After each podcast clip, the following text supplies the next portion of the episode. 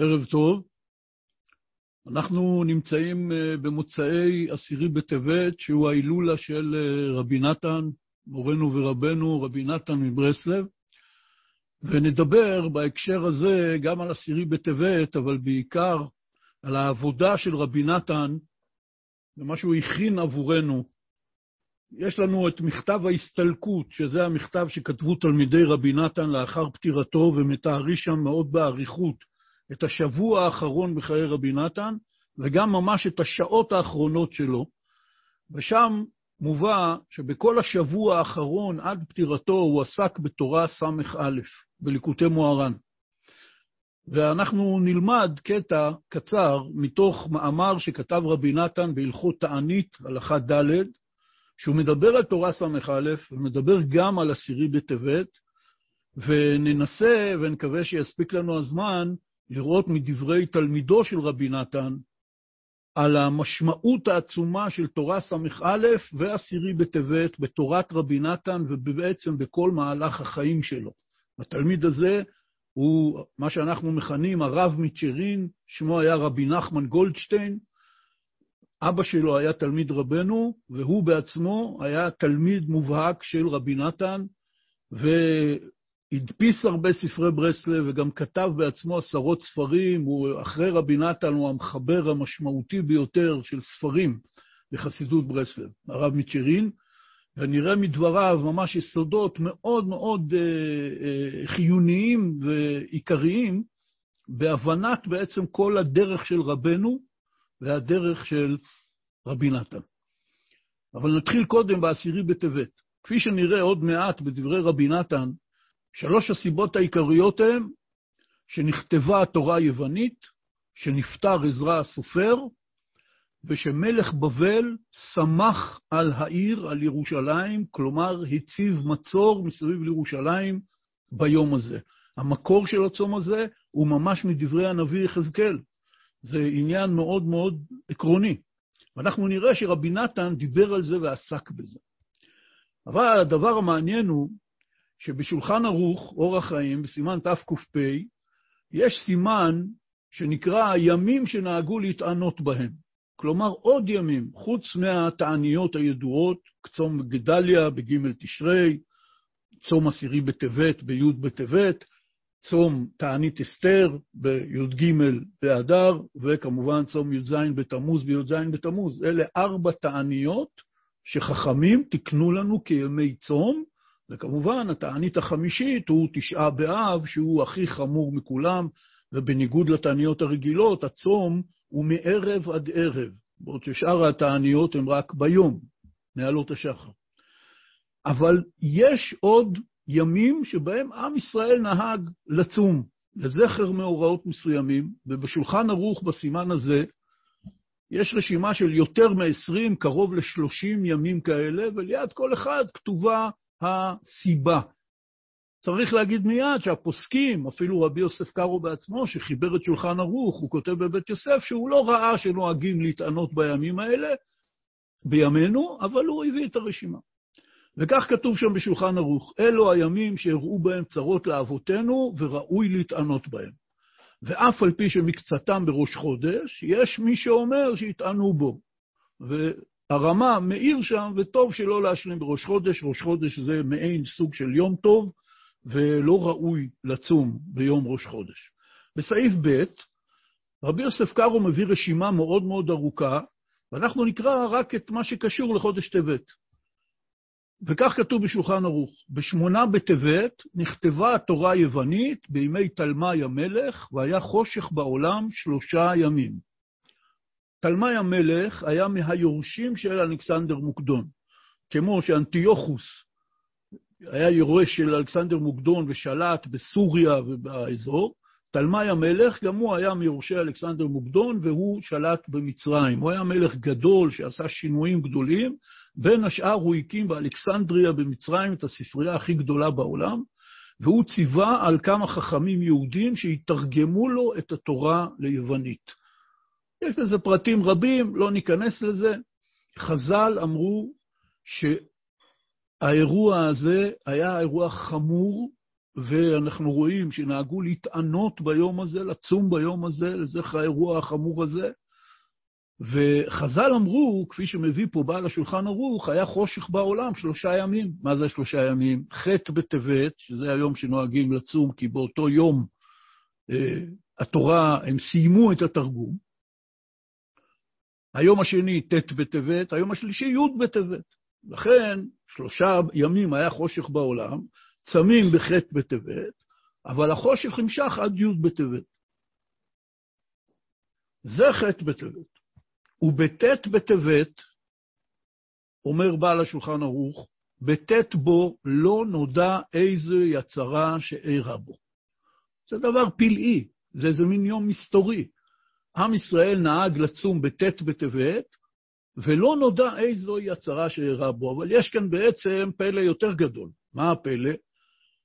שכל הפוסקים כותבים, מהפוסקים הקדמונים על השולחן ערוך ועד אחרוני הפוסקים, אם זה המשנה ברורה או כף החיים, אומרים, אנחנו כן יודעים מה הצהרה שאירעה בו. נפטר עזרא הסופר. ואם ניקח לדוגמה, אחד משני הפוסקים הכי חשובים על שולחן ערוך, אור החיים, אחד מן הפוסקים הכי חשובים על שולחן ערוך, אחד משני הפוסקים הכי חשובים, ששני הפוסקים הכי חשובים על שולחן ערוך זה המגן אברהם והתז, טורי זהב, על שולחן ערוך אור החיים, כותב שם הטורי זהב, תימה גדולה, היית בסליחות של י' בטבת, דבט' בו מת עזרא הסופר, וצריך עיון רב. אומר בעל הטורי זהב, צריך עיון, צריך להבין למה רבי יוסף קארו בשולחן ערוך כתב שלא נודעה מה הצרה שהייתה בט' בטבת. שהרי בסליחות הקדמוניות שאומרים גם בנוסח אשכנז ויש גם בחלק בנוסח הספרדים, כתוב שם מפורש שבט' בטבת נפטר עזרא הסופר. פתחתי בנקודה הזאת, כי אולי דרך דברי רבי נתן נראה בסוף השיחה איזשהו הסבר לעניין על פי פנימיות, למה באמת נוצר הפלא על זה על ט' בטבת. בסליחות לעשירי בטבת כתוב, הלא שלושתן קבעתי תענית, ומלך יוון אינסני לכתוב דת יוונית, על גבי חרשו חורשים העריכו מענית, זועמתי בתשעה בו בכלימה וחפר, חסך מעלי מעיל הוד וצפר, טרוף טורף בו הנותן אמרי שפר, הוא עזרא הסופר. יום עשירי צווה בן בוזי החוזה, יחזקאל הנביא, כתוב לך בספר המחזה, לזיכרון לעם נמס ונבזה את עצם היום הזה. עוד מעט נראה בדברי רבי נתן את הפסוק המפורש מהנביא ומה הוא אומר. אם כן, בסליחות לעשירי בטבת, שנוהגים להגיד אותם כבר מאות רבות בשנים, כתוב מפורש שבט' בטבת נפטר עזרא הסופר. ושתי הסיבות הנוספות שאנחנו צמים בעשירי בטבת, זה שנכתבה התורה היוונית, ומלך בבל שמח על ירושלים, שם מצור. עד החורבן היה עוד שנה וחצי. וזה היה יום שבו התחיל החורבן באופן רשמי, כאשר מלך בבל עשה מצור על ירושלים.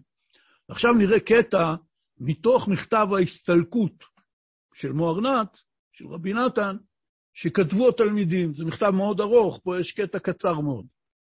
ומספרים התלמידים במכתב לחברים שלהם שגרו בערים רחוקות, כדי שידעו שרבי נתן נפטר ומה עבר אז בכל השבוע וביום הפטירה. והם כותבים, דיבר הרבה כמעט כצוואה, וכך אמר, צריכים אתם להחזיק אתכם ביחד באהבה גדולה. ואתם אנשים כשרים, אלא שאתם שלמזלניקס. כמובן, יש פה את הציווי להחזיק את עצמנו ביחד, שכל חבורת חסידי ברסלב, במיוחד אחרי פטירת רבנו, במיוחד אחרי פטירת רבי נתן, שרבי נתן לא העמיד תלמיד כמותו, שהוא היה תלמיד מובהק של רבנו וכתב וערך את כל הספרים. תלמידו היה רבי נחמן מטולצ'ין, שהוא ריכז את ההנהגה באופן מאוד מאוד צנוע, בענווה גדולה. ורבי נתן אמר לו לפני שהוא נפטר, הוא אמר לו, אני הכנתי הכל עם העט, כלומר, כתבתי את כל הספרים, ואתה תמשיך לסובב את הגלגל. וזאת הייתה דרך ההנהגה של רבי נחמן מטולצ'ין, שהוא פשוט טיפל בכל העניינים, נקרא לזה, האדמיניסטרטיביים. הוא לא היה נותן שיעורים, הוא לא כתב ספרים. לכן, אומר רבי נתן, הדרך היחידה של חסידות ברסלב להתקיים, שאתם צריכים להחזיק את עצמכם ביחד באהבה גדולה. ואז אומר רבי נתן לתלמידיו, ואתם אנשים כשרים, אתם רוצים לעבוד את השם, אתם יכולים לעבוד את השם, אלא שאתם שלמזלניקס. שלמזלניק זה מילה ביידיש, שיש כמה פירושים עליה. הרעיון של המילה שלמזלניקי זה אחד שיש לו מזל עקום, אחד שהוא חסר מזל. רב לוי יצחק בנדר הסביר את הדיבור הזה של רבי נתן, במובן הזה, מי זה שלמזלניק? אומר רבי נתן, זה אחד שיש לו אוצרות גדולים של כסף, אבל הוא לא משתמש בהם, אלא הוא מתנהג כמו איזה עני מרוד ונהיה אדם מוזנח. וזה בדיוק מה שרבי נתן רצה להגיד. יש לכם כאלה אוצרות, האמונה ברבנו, התורה של רבנו, הספרים של רבנו, הספרים שאני כתבתי, אומר רבי נתן, אבל אתם לא משתמשים באוצרות שלכם, אתם נשארים אנשים מוזנחים, שאתם לא משתמשים בכל האוצרות הנפלאים האלה שיש בידכם, ולכאורה, לצורך העניין, מה שהוא רצה, לעורר אותם. תפסיקו להיות שלמזלניקס. בדיוק כמו שוודאי עלה בכל, ברעיונכם בהקשר לעניין הזה, הדיבור הנפלא הזה מהסיפורי מעשיות, משבעת הקבצנים, שיש שם את הנשר הגדול, והוא אומר להם, תתחילו, שובו להשתמש באוצרות שלכם, שזה דיבור של רבנו בסיפורי מעשיות. אם כן, זה ההתחלה, שהוא התחיל לדבר כמעט כצוואה. זה מה שכתוב כאן. ואחר כך אמר פתאום להעולם, כלומר לכל האנשים שעמדו שם. שלושה צרות היה בטבת. מהו הצרות? ולא זכרו, ואמר הוא בעצמו, בו מת עזרא הסופר, ונכתבה תורה יוונית, ושמח מלך בבל על ירושלים. שזאת הגרסה המדויקת במכתב, למרות שיש מקומות שכתוב שם עניין אחר. ואמר בזה הלשון. יש פה פסקה שלמה, מה רבי נתן אמר ביידיש, ונקרא את התרגום. אמר להם רבי נתן כך, על שלושת הדברים שעליהם צמים בעשירי בטבת. אז כשעזרא הסופר מסתלק, וטרייף פסול מתגבר כל כך הרבה, כמו שיש עכשיו אלפים ורבבות טרייף פסול, אבל אני מקווה שדף אחד מספרי רבנו יהיה תיקון על הכל. לכן אני מזהיר אתכם, שעיקר עסקיכם יהיה להדפיס את הספרים, שיתקיים יפוצו מעיינותיך החוצה, שתהיו חזקים בזה בממון, ברצון ובטרחה. תלמידו הרב מצ'רין אומר שהוא דיבר דיבור הרבה יותר ארוך, והוא גם מביא את כל הפרטים שם. אבל לצורך העניין אומר רבי נתן כך, שלוש צרות אירעו בטבת, שעליהם אנחנו מתענים בעשירי בטבת, שזה היה באותו יום, כן? רבי נתן נפטר בעשירי בטבת, שנת תר"ה, שהיה יום שישי, ערב שבת קודש, כי צום עשירי בטבת צמים גם אם הוא יוצא ביום שישי, ורבי נתן נפטר שעה לפני הדלקת נרות שבת. אם כן, הדיבור הזה, הוא שאל אותם בצום עשירי בטבת. יש שלוש צרות. כתבו את התורה היוונית, עזרא הסופר נפטר, מלך בבל התחיל את המצור על ירושלים. אומר להם רבי נתן, הכל קשור אחד בשני. כשעזרא הסופר מסתלק, כשהצדיק, שנראה בהמשך שרבי נתן מסביר, שלא סתם קראו לעזרא הסופר הסופר, כי הוא עסק בכתיבת ספרי התורה. ובכתיבת ותקנת כל המנהגים שעם ישראל קיבל. כשעזרא הסופר מסתלק, כשעזרא הסופר מסתלק מן העולם, נפטר, ואז מתגבר הטרייף פוסול, זה ביטוי ביידיש, שפירושו טרייפה פסולה. כל מה שרע, זה הכוונה. טרייף, טרף, הוא פסול. כל מה שרע מתגבר כל כך הרבה. אומר רבי נתן לאנשיו, כמו שיש עכשיו אלפים ורבבות של טרף ופסול. התחיל אז כל העניין של האפיקורסות, התחיל כל העניין של המשכילים, שעשו פעולות כאלה כדי להרחיק את עם ישראל מתורה. מה נאמר, אנחנו בזמננו בכלל אין שיעור. אבל אז רבי נתן אומר מה הפתרון.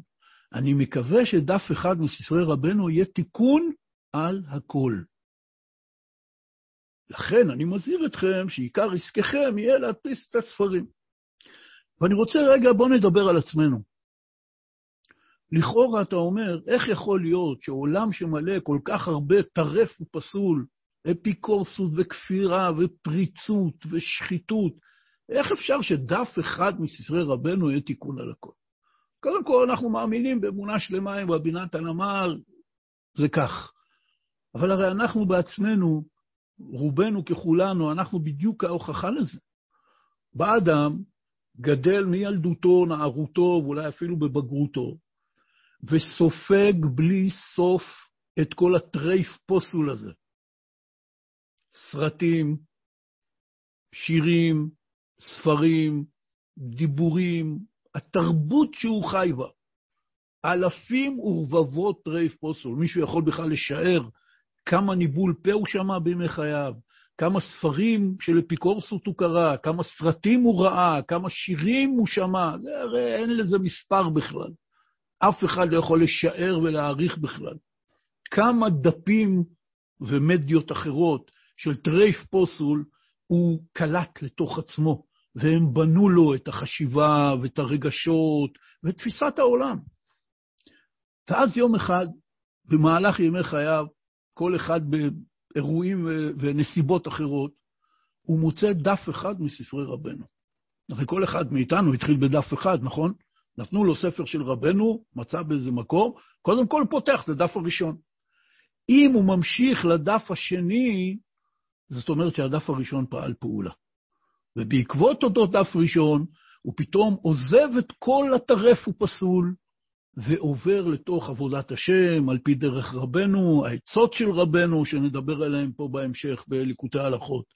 זה דבר מיוחד במינו, שהרי כולנו יודעים.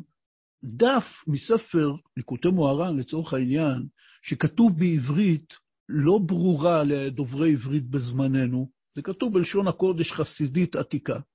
מלא פסוקים, זוהר, גמרות, אין דף בליקוטי מוהר"ן שרבנו כל כמה מילים לא מזכיר, כמו שכתוב, כמו שאמרו, רוב ככל הקוראים, הם לא זוכרים אפילו מה זה, לא כל שכם שהם לא יודעים מה זה. ואז אנשים רחוקים, בהודו, מצאו איזה ספר ליקוטי מוהר"ן, הם פותחים אותו, הם קוראים, זה מושך להם את הלב. וזאת הוכחה גמורה למה שרבי נתן אמר אי אז, לפני 177 שנה, ביום פטירתו.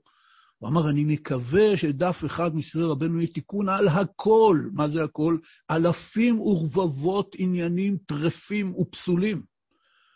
והיום, 177 שנה אחר כך, שהאלפים ורבבות טרייף פסול שרבי נתן אמר, התחלפו באלפים ורבבות טריליונים טרייף פסול, שבכלל אי אפשר להשוות מה שהיה אז, מה שקורה היום, עם מדיות מושכות את הלב מאוד, עם כל ההנאות והעינוגים שיש בזה, אז מה היה? ספרים. היה ספר קודש, ואז היה להבדיל ספר אפיקורסות. זה ספר וזה ספר. היום זה לא ספרים, זה מדיות שמושכות את הלב, שממכרות את האדם, ובכל זאת אנחנו רואים רבבות יהודים, אולי מאות אלפי יהודים, שבכל רגע נתון, ברגע זה שאנחנו מדברים כאן עכשיו, יש, יש באיזשהו מקום בעולם איזה יהודי או יהודים רבים שפגש פעם ראשונה את ספרי רבנו, וזה משך לו את הלב. הדף הראשון, הדף האחד, נתן לו את הרצון להמשיך לדף השני. שלא לדבר על עצמנו, שאנחנו כבר יודעים מרבנו ומרבי נתן, ויש לנו בבית את כל ספרי ברסלב, ואנחנו לומדים בהם באופן קבוע או לעיתים, וכל אחד מאיתנו יש לו רגעים שהוא נמשך אחרי הטרייף פוסטול, גם אם הוא יהודי שומר תורה ומצוות, ודף אחד מספרי רבנו יכול להיות תיקון על הכל. ולכן אומר רבי נתן, הוראה מעשית, לא פשוטה, חשובה ביותר. אני מזהיר אתכם שעיקר עסקכם יהיה להדפיס את הספרים. למה לא שיעורים? למה לא תלכו, תיתנו שיעורים? זה ודאי גם טוב. ורבנו ציווה את תלמידיו, שלא יהיו עצים יבשים וילכו לקרב אנשים לשם יתברך, ולדבר דיבורי התחזקות ודיבורים של התכלית, וכפי שהוא אמר לרבי נתן פעם, שהדרך לקרב אנשים זה לשאול אותם מה, מה התכלית מכל החיים שלך? לדבר עם אנשים דיבורי תכלית, דיבורי אמונה. ודאי, זה ציווי של רבנו. אבל עדיין, עיקר העיקרים זה הספרים. מדוע?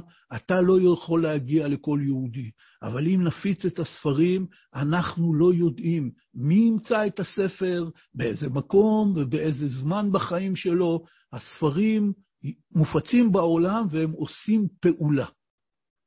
לכן אומר רבי נתן, זה העיקר. כמו שנראה בהמשך, הוא הקדיש לזה את חייו. על ידי הכתיבה עם העט.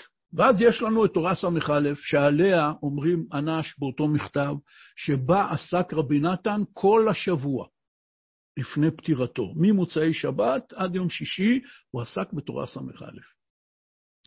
בתורה ס"א אומר רבנו, שעיקר העניין של האדם זה מכל דבר שהוא לומד, הוא צריך להוציא משפטי אמת. להוציא לעצמו עצות נכונות וטובות. זאת מטרת הלימוד. אומר רבנו, אבל על ידי שאדם יש לו פגם באמונת חכמים, אז נחלקת עצתו.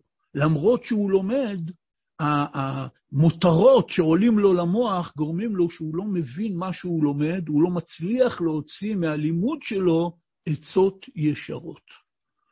לכן צריך לתקן אמונת חכמים.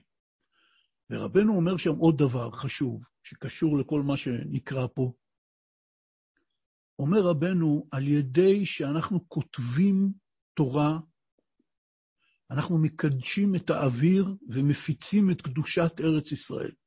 על ידי התנועה של הקולמוס, על ידי התנועה של העט, שהרי כשאדם כותב, אנחנו תמיד מתרכזים במה העט כותב עם הדיו על הנייר. הוא כותב אותיות וכן הלאה. אבל הרי גם הצד שני של העט זז, בדיוק כמו הצד שכותב. אומר רבנו, אתה כותב בעצם בשני מישורים. אתה כותב על הדף בדיו, אבל אתה גם כותב באוויר אותיות, שזו הברקה יפה שמתבוננים בה, אומרים, נכון, איך לא חשבתי על זה?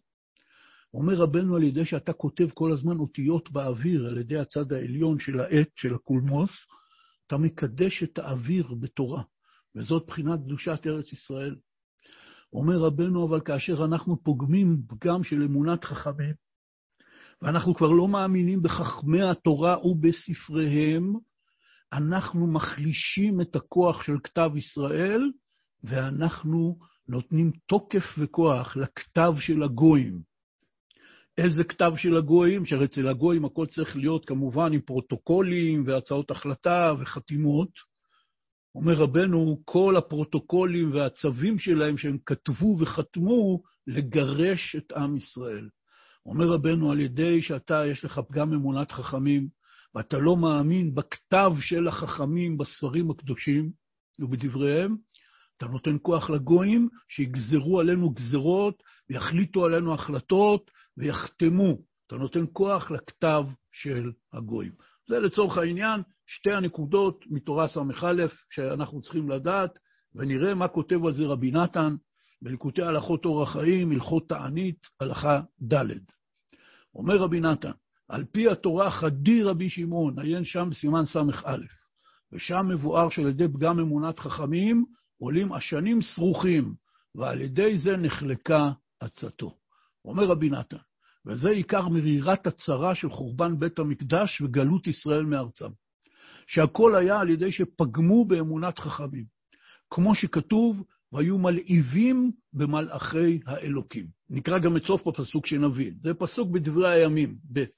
וכתוב שם בפסוק, והיו מלהיבים במלאכי האלוקים, ובוזים דבריו, ומתעתעים בנביאיו, עד עלות חמת השם בעמו, עד לאין מרפא. הפסוק אומר מפורש, שעל ידי שעם ישראל לעג לנביאים, שהם מלאכי הקדוש ברוך הוא, הם שליחים של הקדוש ברוך הוא, ובוזים דבריו, מה שהנביאים אומרים להם בשם השם, הם מבזים את הדברים שהם שומעים, ומתעתעים בנביאיו. זה היה החטא לפני חורבן בית ראשון, כאשר עם ישראל פגם באמונת חכמים, בנביאים הקדושים שהקדוש ברוך הוא שלח לעם ישראל, בזו, טעטעו, לעגו, לא קיבלו את הדברים של הנביאים. מה קרה? עלתה חמת השם, השם כעס על עמו עד לאין מרפא, ואז נגזרה גזירת החורבן. ואומר רבי נתן, הכל היה על ידי שפגעו במעט חכמים, מביא את הפסוק, וכמו שאמרו רבותינו ז"ל במסכת שבת, בדף קי"ט, חז"ל אומרים את זה. אומר רבי נתן, מה קרה מזה? ומאז אין לנו שום עצה.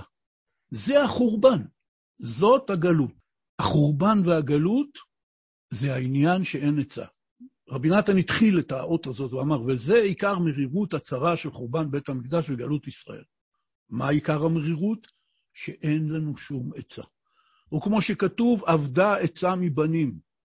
ורבי נתן מביא את הפסוק מהנביא ירמיהו, פרק מ"ט, אבדה עצה מבנים, נסרחה חוכמתם. כך אומר הנביא. היינו על ידי השנים סרוכים, כפי שרבנו אומר שם בתורה ס"א, שמבלבלים החוכמה שבמוח, מבחינת נסרחה חוכמתם, על ידי זה אבדה עצה מבנים וכנ"ל. הוא ממשיך רבי נתן ואומר, ועל זה צועק דוד המלך עליו השלום בתהילים, מזמור י"ג, דוד המלך אומר, עד אנה אשית עצות בנפשי. שזה נאמר על הארבע גלויות, כמו שפירש רש"י שם. רש"י מפרש, אתם יכולים להסתכל בפסוק שם, פירוש רש"י, שהצעקה הזאת של דוד המלך, עד אנה אשית עצות בנפשי, כלומר, אין לי עצות, זה הכל גל, ארבע הגלויות הקשות ביותר, זה החורבן, זאת הגלות. אומר רבי נתן שעיקר הצרה, מה שאין יכולים להשית עצות בנפשו, כל אחד על מה שצריך. כי האדם צריך עצות הרבה בזה העולם כל ימי חייו, כדי שיוכל להציל עצמו ממה שצריך להינצל, שלא יאבד שתי עולמות, חס ושלום. כי מי שיש לו מוח בקודקודו, ראוי לשית לב על אודותיו, כלומר, לחשוב על עצמו, מה נעשה עמו בזה העולם, ועל מה בא לזה העולם. לעבור בדאגות וצרות ויגונות וכעס ומכאובות כאלה, וסופו לעפר ישוב, למקום עפר רימה ותולעה, ומי יודע איך יצא משפטו ודינו ביום הדין הגדול והנורא, כי גדול יום הוא ונורא מאוד. כמו שכתוב, איום ונורא ומי יכילנו. בוודאי צריך כל אדם לפקח על עסקיו ולהשית עצות בנפשו, אולי יוכל למלא את נפשו. רבי נתן מרכז לנו בארבע שורות כאן את uh, תמצית תורת התכלית, את מה שרבנו אמר לו שהוא צריך להגיד לאנשים, תשאלו את עצמכם מה. האם באנו לעולם בשביל לחיות חיים מלאים דאגות, צרות, יגונות, כעס ומכאובות, ובסופו של דבר, אחרי החיים האלה, ללכת למקום עפר אימה ותולעה, ומי יודע אם נעמוד ביום הדין במשפט, האם בשביל זה נברא האדם? רק בשביל לסבול, גם בעולם הזה וגם בעולם הבא? חסר פה משהו. חסרה פה עצה אמיתית, איך למרות כל הקשיים בחיים, אני מצליח לחיות מואר, עם תקווה, עם אמונה, עם שמחה, עם יראת שמיים. איך אני מתגבר על כל הצרות שהיצר הרע עושה לי, ומצליח למצוא עצות אמיתיות כאלה שפותחות לי את החיים במקום הקיבוץ והסבל, ושנותנות לי תקווה ואור. ולכן הוא מסיים את הקטע הזה ואומר, והעיקר הוא עצות אמיתיות.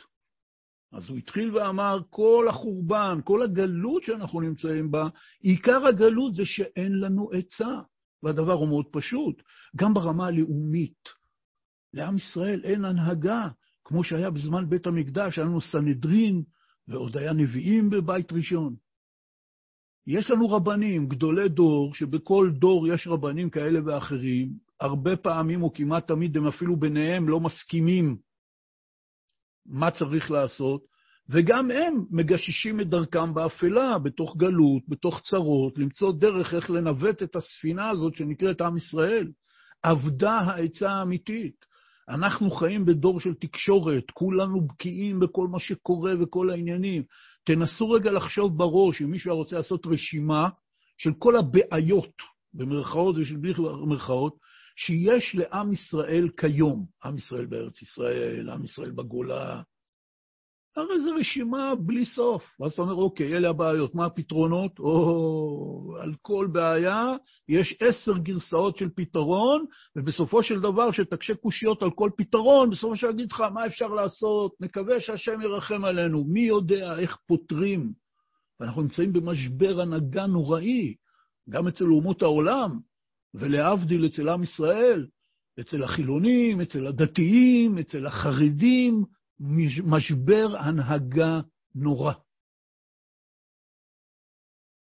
רבי נתן כותב בהלכה הזאת, בקטע ש, שלא נקרא היום, הוא אומר, המלך הוא נקרא יועץ. אנחנו צריכים מישהו שייתן עצה. אתם יודעים שהמילה להימלך, בלשון הקודש, פירושה להתייעץ. ומזה באה המילה מלך. אנחנו צריכים מלך ואין לנו. לכן עיקר הצרה, עיקר החורבן, עיקר הגלות, זה שאין לנו עצות אמיתיות. עד כאן ברמה הלאומית. עכשיו נעבור לרמה הפרטית האישית של כל אחד מאיתנו. המשפט הכי ידוע שבני אדם אומרים, ספר לך את הצרות שלו, אומר, אני לא יודע מה לעשות.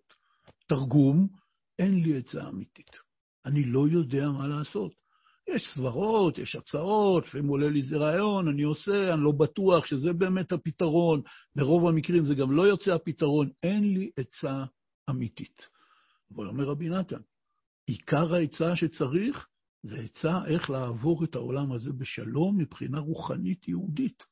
עצה אמיתית של חוכמה אמיתית זה עצה איך לעבור את העולם הזה בשלום. וממשיך רבי נתן ואומר שם, דילגתי על קטע פה, אומר רבי נתן כי העולם הזה צל עובר, ועיקר העצה שלמה באמת הוא שזוכה להצליח על ידה בעולם הנצחי, ועצה כזאת אי אפשר להשיג כי אם על ידי אמונת חכמים ולהתקרב אליהם ולתלמידיהם ולספריהם הקדושים, שהם מלאים עצות אמיתיות, עצות עמוקות. זה עיקר העצה השלמה. איך אפשר להצליח על ידה בעולם הנצחי? אפשר להשיג עצה כזאת על ידי אמונת חכמים, והתקרבות לחכמים ולתלמידיהם, ולספריהם הקדושים, שהם מלאים עצות אמיתיות ועצות עמוקות. ואומר רבי נתן, למה אני צריך דווקא את החכמים ותלמידיהם וההתקרבות והספרים? אומר רבי נתן, כי גם בעבודת השם בעצמו יש כמה וכמה עצות שהבעל דבר מתערב בהם ומהפך אותם לרעה. כי התורה, יש בה שני כוחות, זכה ולא זכה. רבי נתן מתכוון למה שכתוב במסכת יומא, דף ע"ב. אומרים חז"ל, הפסוק אומר, וזאת התורה אשר שם משה. אומרים חז"ל, אל תקרא סם בסין, אלא סם בסמך. אומרים חז"ל, זכה, נעשית לו סם חיים. לא זכה, נעשית לו סם מיתה. זה דיבור מאוד ידוע של חז"ל.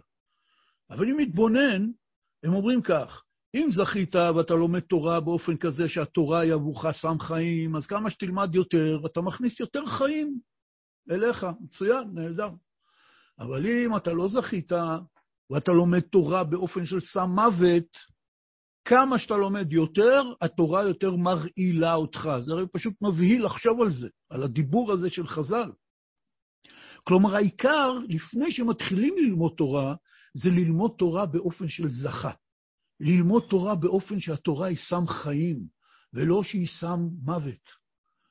לכן אומר רבי נתן, גם בעבודת השם בעצמה, יש עצות שהבעל דבר מתערב בהם, מהפך אותם לרעה, אז אתה מקבל עצות, הכל נראה דברי תורה.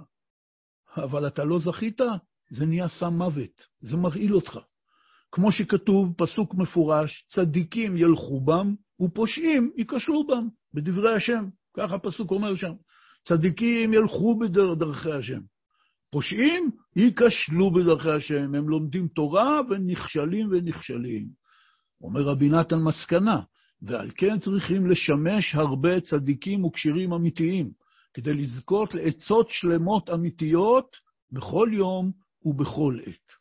בהמשך ההלכה הזאת, שהיא מאוד ארוכה, באות ח', אומר רבי נתן שם דבר מבהיל. לדעתי צריך להדפיס את אות ח' מלכות העניות, הלכה ד', זה פוסטרים גדולים, מדבקות, כל מה שנהוג היום. אומר רבי נתן, כפי ששואלים את הצדיק, כן הוא משיב. ומי ששואל לא נכון, הוא מקבל תשובה לא נכונה. אומר רבי נתן, ואז הבן אדם עושה את העצה, והוא לא מצליח. מה קורה? הוא כועס על השם יתברך, הוא כועס על הצדיק. אומר רבי נתן, אין לך על מי לכעוס, אתה צריך לכעוס רק על עצמך. כי על זה שלמה המלך אמר את הפסוק, איוולת אדם, תסלף דרכו, ועל השם יזעף ליבו. אתה זועף על השם, בסתר או בגלוי. למה? ניסיתי, מה שאמרו לי עשיתי, לא הצלחתי. אומר שלמה המלך, איוולת אדם תסלף דרכו. אתה עשית את זה לא נכון, כי אנחנו כלי. והעצות של הצדיקים ושל התורה הקדושה זה מים זקים. אבל אם אתה מגיש כלי מלוכלך ומוזג לתוכו מים זקים, המים בעצמם נהיים עכורים ומלוכלכים. ואז אתה אומר, מה, זה המים? אחי, זה המים הזכים אחרי שנכנסו לכלי המלוכלך שלך. לכן צריך הרבה מאוד להתפלל ולשמש צדיקים אמיתיים, כפי שרבי נתן אומר פה. לשמש צדיקים וכשירים אמיתיים. יש עניין של ספריהם הקדושים, לדעת ללמוד אותם באופן נכון, אבל יש עניין של שימוש, לראות יהודים כשרים, לראות אותם, איך הם מגיבים, איך הם חיים, איך הם מדברים, זה לימוד עצום. חז"ל דיברו הרי על גודל המעלה של מי שמשמש תלמידי חכמים. כי לפעמים בתנועה אחת, בהתנהגות אחת, שאתה רואה אצל אותו יהודי כשר, זה מלמד אותך יותר מאלף ספרים. ובני כשאתה קורא את הספר, אתה קורא אותו במצב התחלתי של חוסר הבנה. אתה לא יודע לתרגם לעצמך את התורה באופן הנכון והאמיתי. ולכן צריך הרבה התקשרות לצדיקים, והרבה עבודה על זה, והרבה תפילה על זה, ולחפש תמיד את האמת של הצדיק, לא לחפש את האמת שלי. כי יש הרבה אנשים שמתקרבים לצדיקים, צדיקים חיים, או צדיקים כמו רבנו הקדוש, כי הוא צריך כל מיני ישועות, זה סוג של איזו סגולה לפטנטים בחיים, שהכל יהיה טוב. מי שבאמת מחפש את האמת, מי שכל מה שמעניין אותו לקבל עצה אמיתית, לעבור את העולם הזה בשלום, כדי להגיע לעולם הנצחי, עולם העונג הנצחי, להגיע לשם מוכן, להגיע לשם במצב טוב. לא משנה מה עברתי בחיים, יכול להיות שאני עובר צרות ודאגות ויגונות ומכאובות, כפי שרבי נתן כתב קודם. השאלה איך אני חי את זה, או במשפט שאולי מבאר את זה, פחות משנה מה עובר עליך בחיים, הרבה יותר משנה איך אתה עובר את החיים. ואני בטוח שכולנו מבינים עד כמה זה חשוב, והעיקר אצלנו, בכל הדיבורים האלה, זה לעורר אצלנו רצון בכלל להתחיל את הדרך הזאת. אחרי שרבי נתן הסביר את העניין הזה, שעיקר החורבן והגלות זה חוסר העצה האמיתית. ועד כדי כך שיש גם סכנה בעבודת השם בעצמה, יש בה גם כן עצות מקולקלות ומזיקות, ולכן צריך זכה שהתורה תהיה לו סם חיים. ועל ידי זה, איך משיגים את זה? על ידי שהוא משמש הרבה צדיקים וכשרים אמיתיים, גם משמש כשרים, וגם עצם הלימוד בספר של הצדיק, והחיים לפיו זה סוג של שימוש חכמים. עכשיו מקשר רבי נתן את הכל לעניין של עשירי בטבת, שזה יום פטירתו. וזה בדיוק אחד הדיבורים האחרונים שהוא אמר בימי חייו לתלמידיו, את מה שהוא כותב כאן בהלכות תענית, הלכה ד' אות ד'. אומר רבי נתן, וזה מבחינת השלוש צרות שהראו בטבת. למה הוא אומר בטבת ולא בעשירי בטבת? כי כמו שראינו, זה ח' בטבת, ט' בטבת וי' בטבת. זה בשלושה ימים, שלוש צרות, ואנחנו מתענים על שלושתם בעשירי בטבת. וזה מבחינת השלוש צרות שהראו בטבת, שאז התחלת חורבן בית המקדש. הרי מה הוא אמר קודם? הוא אמר קודם שעיקר מרירות חורבן בית המקדש זה שאין לנו עצות אמיתיות. הוא אומר, אם כן, התחלת חורבן בית המקדש הייתה שמלך בבל עשה מצור על ירושלים. אחר כך גם נבקעה העיר, ואז הם נכנסו לתוך העיר, ואז הם החריבו את בית המקדש, ועל התחלת חורבן בית המקדש, כמו שאמרתי, שנה וחצי ויותר בין הצרה הזאת שמלך בבל עשה מצור על ירושלים עד החורבן, אבל זאת התחלת החורבן. אם כן, הוא אומר שאז התחלת חורבן בית המקדש. כמו שכתוב בנביא יחזקאל, פרק כ"ד, הקדוש ברוך הוא אומר ליחזקאל הנביא, בן אדם, כתוב לך את שם היום, את עצם היום הזה שמח מלך בבל אל ירושלים בעצם היום הזה. קודם כל שימו לב למילה כתוב, שזה קשור למה שרבי נתן כאן מדבר בעצם על תורה ס"א, ששם רבנו מדבר על כתב ישראל מול כתב הגויים. אבל מה אומר הפסוק הזה? הרד"ק מפרש כך, הנבואה באה לו בעשרה בטבת. כלומר, בעשרה בטבת, הקדוש ברוך הוא התגלה ליחזקאל הנביא, הוא אמר לו, תכתוב את שם היום הזה, המפרשים מסבירים, הכוונה אם זה יום ראשון או שני או שלישי, זה נקרא שם היום, ואת עצם היום הזה, תכתוב את התאריך, כי בתאריך הזה, בשנים הקרובות, מלך בבל יבוא ויסמוך על ירושלים, ואז אתה תוכל להראות לעם, בבקשה, הנה נבואה שהקדוש ברוך הוא אמר לי מראש, שביום הזה יתחיל החורבן. וכך כותב הרד"ק, הנבואה באה לו בעשרה בטבת, שבאותו יום שמח מלך בבל על ירושלים, ואמר לו שיכתוב אותו היום, ויראה לפני הגולה, כי באותו היום שמח מלך בבל. וכשישמעו אחר כך מפי המגידים, כי כן היה באותו היום עצמו שכתב הנביא, ידעו כי נביא היה בתוכם, ואמת הם דבריו. אתם מבינים את הקשר למה שאנחנו מדברים פה על אמונת חכמים. שאומר להם בשם השם, ולא ישמעו עוד אל נביאי השקר. בעצם היום רוצה לומר בעשור לחודש העשירי. תראה, י' בטבת זה היום העשירי לחודש העשירי. שהרי החודש הראשון זה ניסן, נכון? תשרי זה החודש השביעי, כידוע לנו בתורה, ככה היא מכנה את חודש תשרי, טבת הוא חודש העשירי, מניסן. בעשירי לחודש העשירי. ומה פירוש שכתוב בפסוק, שמח מלך בבל אל ירושלים בעצם היום הזה? כותב הרד"ק, שמח עם חילו אל העיר, נשען על העיר, ובנו עליה דייק. מה זה דייק? דייק בלשון הקודש, פירושו שבונים סוללת עפר גבוהה, וככה מנטרלים את הגובה של החומה, ויכולים בסוף להגיע לסוף החומה, ואפשר לפרוץ אל תוך העיר. עד כאן הפסוק שרבי נתן מביא אותו. ונחזור שוב. וזה בחינת השלוש צרות שהראו בטבת, שאז התחלת חורבן בית המקדש. כמו שכתוב, בן אדם, כתוב לך את שם היום, את עצם היום הזה, שמח מלך בבל ירושלים בעצם היום הזה. אומר רבי נתן, והם, השלוש צרות האלה, נזכרים בסליחות של י' בטבת, שנכתבה תורה יוונית, ומת עזרא הסופר, ואז שמח מלך בבל וכולו, שהוא התחלת החורבן. וקראתי קודם מהסליחות, איך זה כתוב בסליחות. אם כן, יש לנו שלוש צרות שעליהן צמים בעשירי בטבת. ואז אומר לנו רבי נתן ככה, כי כל אלו הצרות תלויים זה בזה. כי נכתבה התורה היוונית, זה עיקר בחינת פגם כתב ידינו, ונותנים תוקף לכתב שלהם.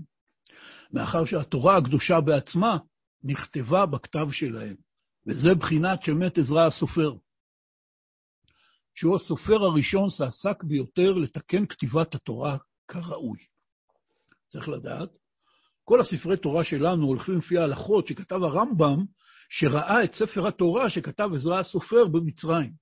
כל הספרי תורה שיש בעולם, הם כולם בעצם העתק, או הולכים על פי הדרך שעזרא הסופר כתב את ספר התורה. זה דבר ראשון.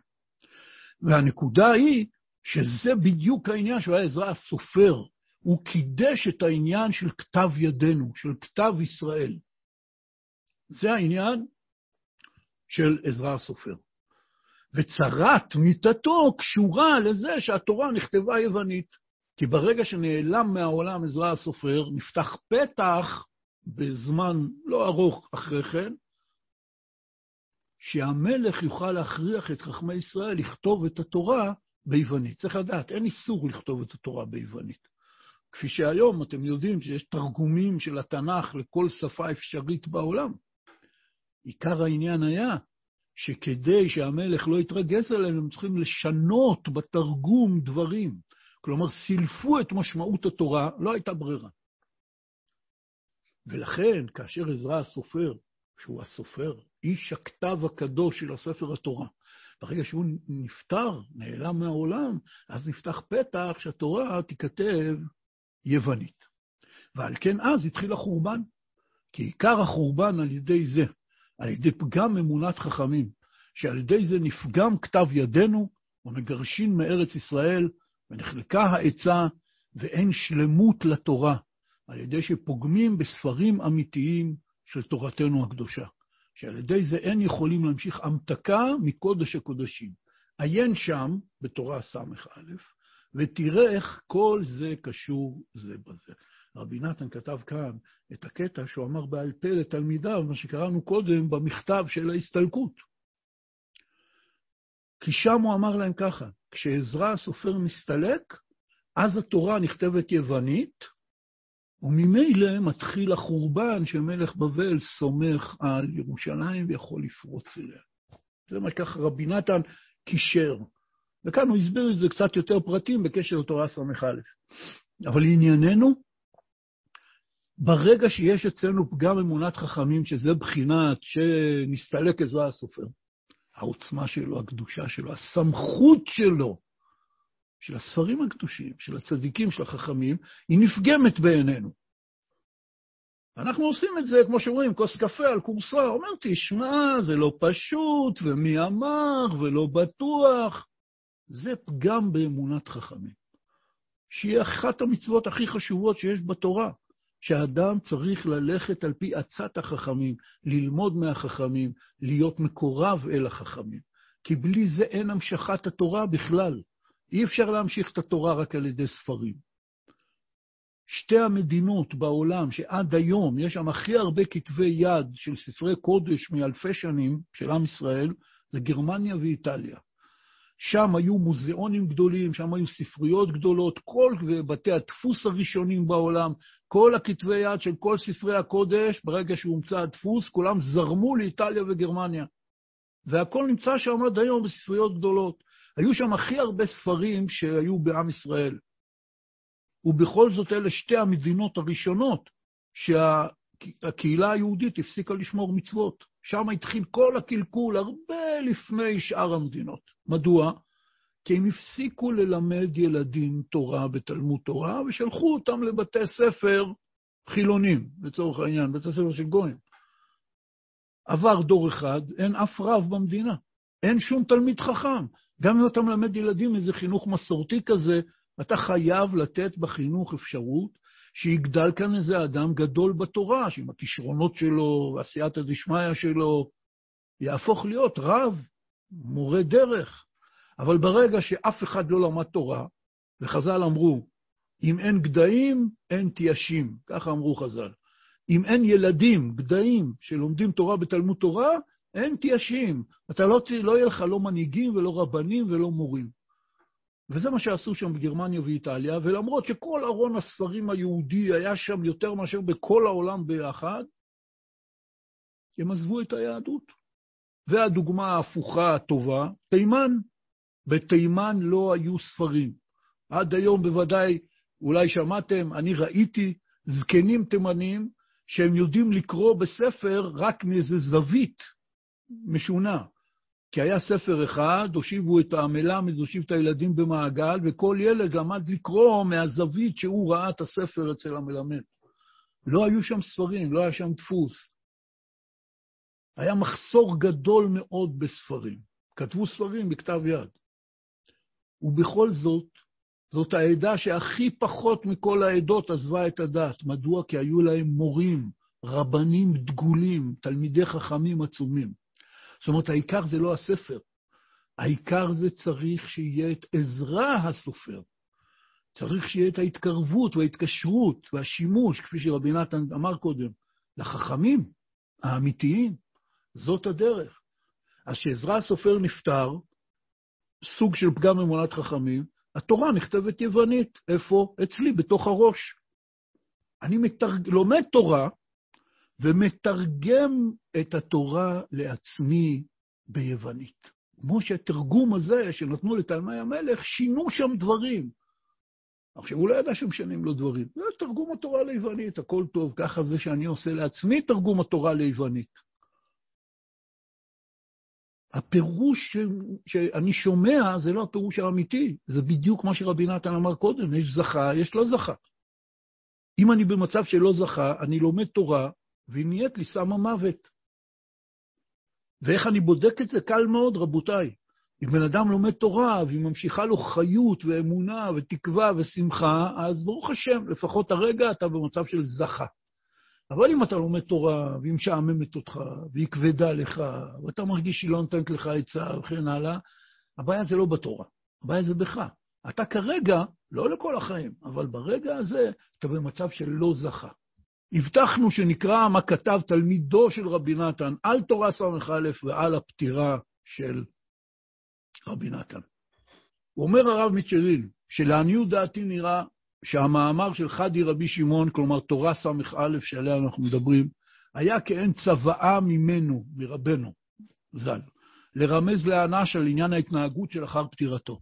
היינו להתחזק מאוד באמונת חכמים, שתורה ס"א מדברת על זה, ולעסוק בלימוד ספריו הקדושים וספרי כל צדיקי אמת, ולהחזיק אותם בחשיבות גדול, ולהאמין בהם באמת לביד אסור מדבריהם ימין ושמאל, זה העניין של הספרים, הכתב שהזכרנו, ויש שם עוד קטע שלא דיברנו עליו, שרבנו מדבר שם מאוד, שצריך להיזהר לא להסמיך מנהיגים שלא ראויים, וכן להיזהר מאוד מלהסמיך את המנהיגים שאינם הגונים, ולבלי ליתן להם שום תוקף ועוז מכל מיני מחלוקת שעוברים על האדם, יתעורר לשוב בתשובה.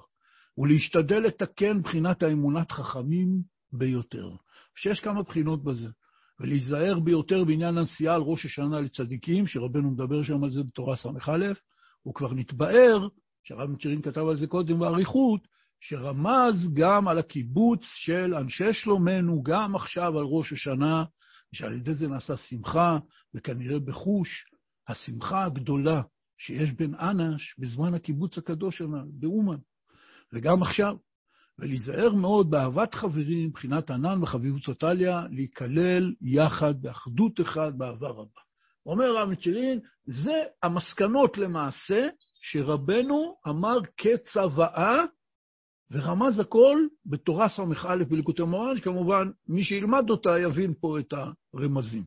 אומר מצ'רין, ועל ידי כל זה, ראש השנה, אהבת חברים, אמונת חכמים, על ידי כל זה נמתקים כל הצמצומים וכל הדינים, ועל ידי זה יכולים להוציא משפטנו לאור מכל הלימודים שילמוד משפטי אמת והנהגות ישרות, איך להתנהג הן לעצמו, הן לאחרים המתנהגים לפי עצתו, שזה בחינת מה שרבנו הבטיח, שגם מי שיתחבר אל אנא שיהיה איש כשר, וגם זוכים על ידי זה לעצה שלמה ולכל טוב, ועל כל הנ"ל, מה שעל ידי זה נשלמת התורה הקדושה בשלמות גדול, ומקבלת מחוכמה עילאה ומשפעת בכל החוכמות, שאלו על ידי זה, שעל ידי זה נמשכים כל התיקונים האלו הנ"ל.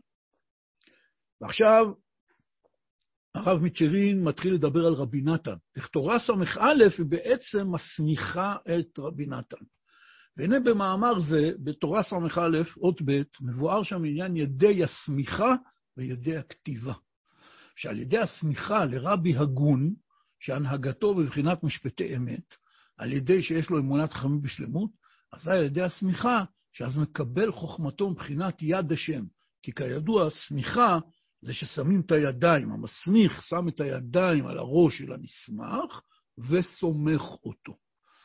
בבחינת ויהושע בן נון מלא רוח חוכמה, כי שמח משה את ידיו עליו. אזי מביא הערה וכוח בכתב ידינו. זה מה שרבנו אומר שם. על ידי ידי הסמיכה, כמו משה שסמך את ידיו על יהושע, על ידי זה הוא מביא את ידי הכתיבה. ולפי עניות דעתי, כותב לנו הרב מצ'רין, גדול המחברים של ספרי ברסלב אחרי רבי נתן, תלמידו המובהק של רבי נתן, כותב הרב מצ'רין, לפי עניות דעתי, רימז בזה גם סמיכה להרב רבי נתן, שזה בעצמו כל עניין החיבורים הקדושים שחיבר הרב רבי נתן. שהם ספרי ליקוטי ההלכות, שהתחיל לחברם בחיים חיותו של רבנו ז"ל ובפקודתו ז"ל, שכל יסוד עניינם הוא רק על קוטב זה להוציא מכל הלימודים שהאדם לומד משפטי אמת והנהגות ישרות. הן מהלכות בשר וחלב ותערובות וכולי, או מהלכות טוען ונטען, וגביית חוב ופיקדון ושומרים, כל כיוצא בזה. וכמובן גם בהקדמה של ספר ליקוטי הלכות. חכם כזה בוודאי ראוי לסמיכה. מי שילמד תורה ס"א יבין את החידוש העצום שהרב מצ'רין כותב פה. הוא אומר, רגע, למה רבי נתן לא כתב ספר לפי פרשיות השבוע? למה רבי נתן לא כתב לפי סדר התורות בליקוטי מוהר"ן, שיכתוב פירוש של ליקוטי מוהר"ן? למה הוא דווקא התחיל לכתוב על הלכות התורה? לפי סדר השולחן ערוך. שכל הלכה היא הולכת על איזושהי תורה מלקוטי מוהר"ן ומדברת על כל מיני דברים, כולל ההלכות שהוא כותב. הרי הוא התחיל לכתוב באופן הזה בחיי רבנו. ורבי נתן כותב בשער של ליקוטי ההלכות, שהוא כתב את ליקוטי ההלכות בצורה הזאת, על פי פקודתו של רבנו. רבנו הביא את הרעיון הזה. אז מה קורה כאן? בדיוק מה שכתוב, תורה ס"א, שכל העניין של האדם, שהוא לומד משפרטי התורה, הלכות, משפטי התורה, ומוציא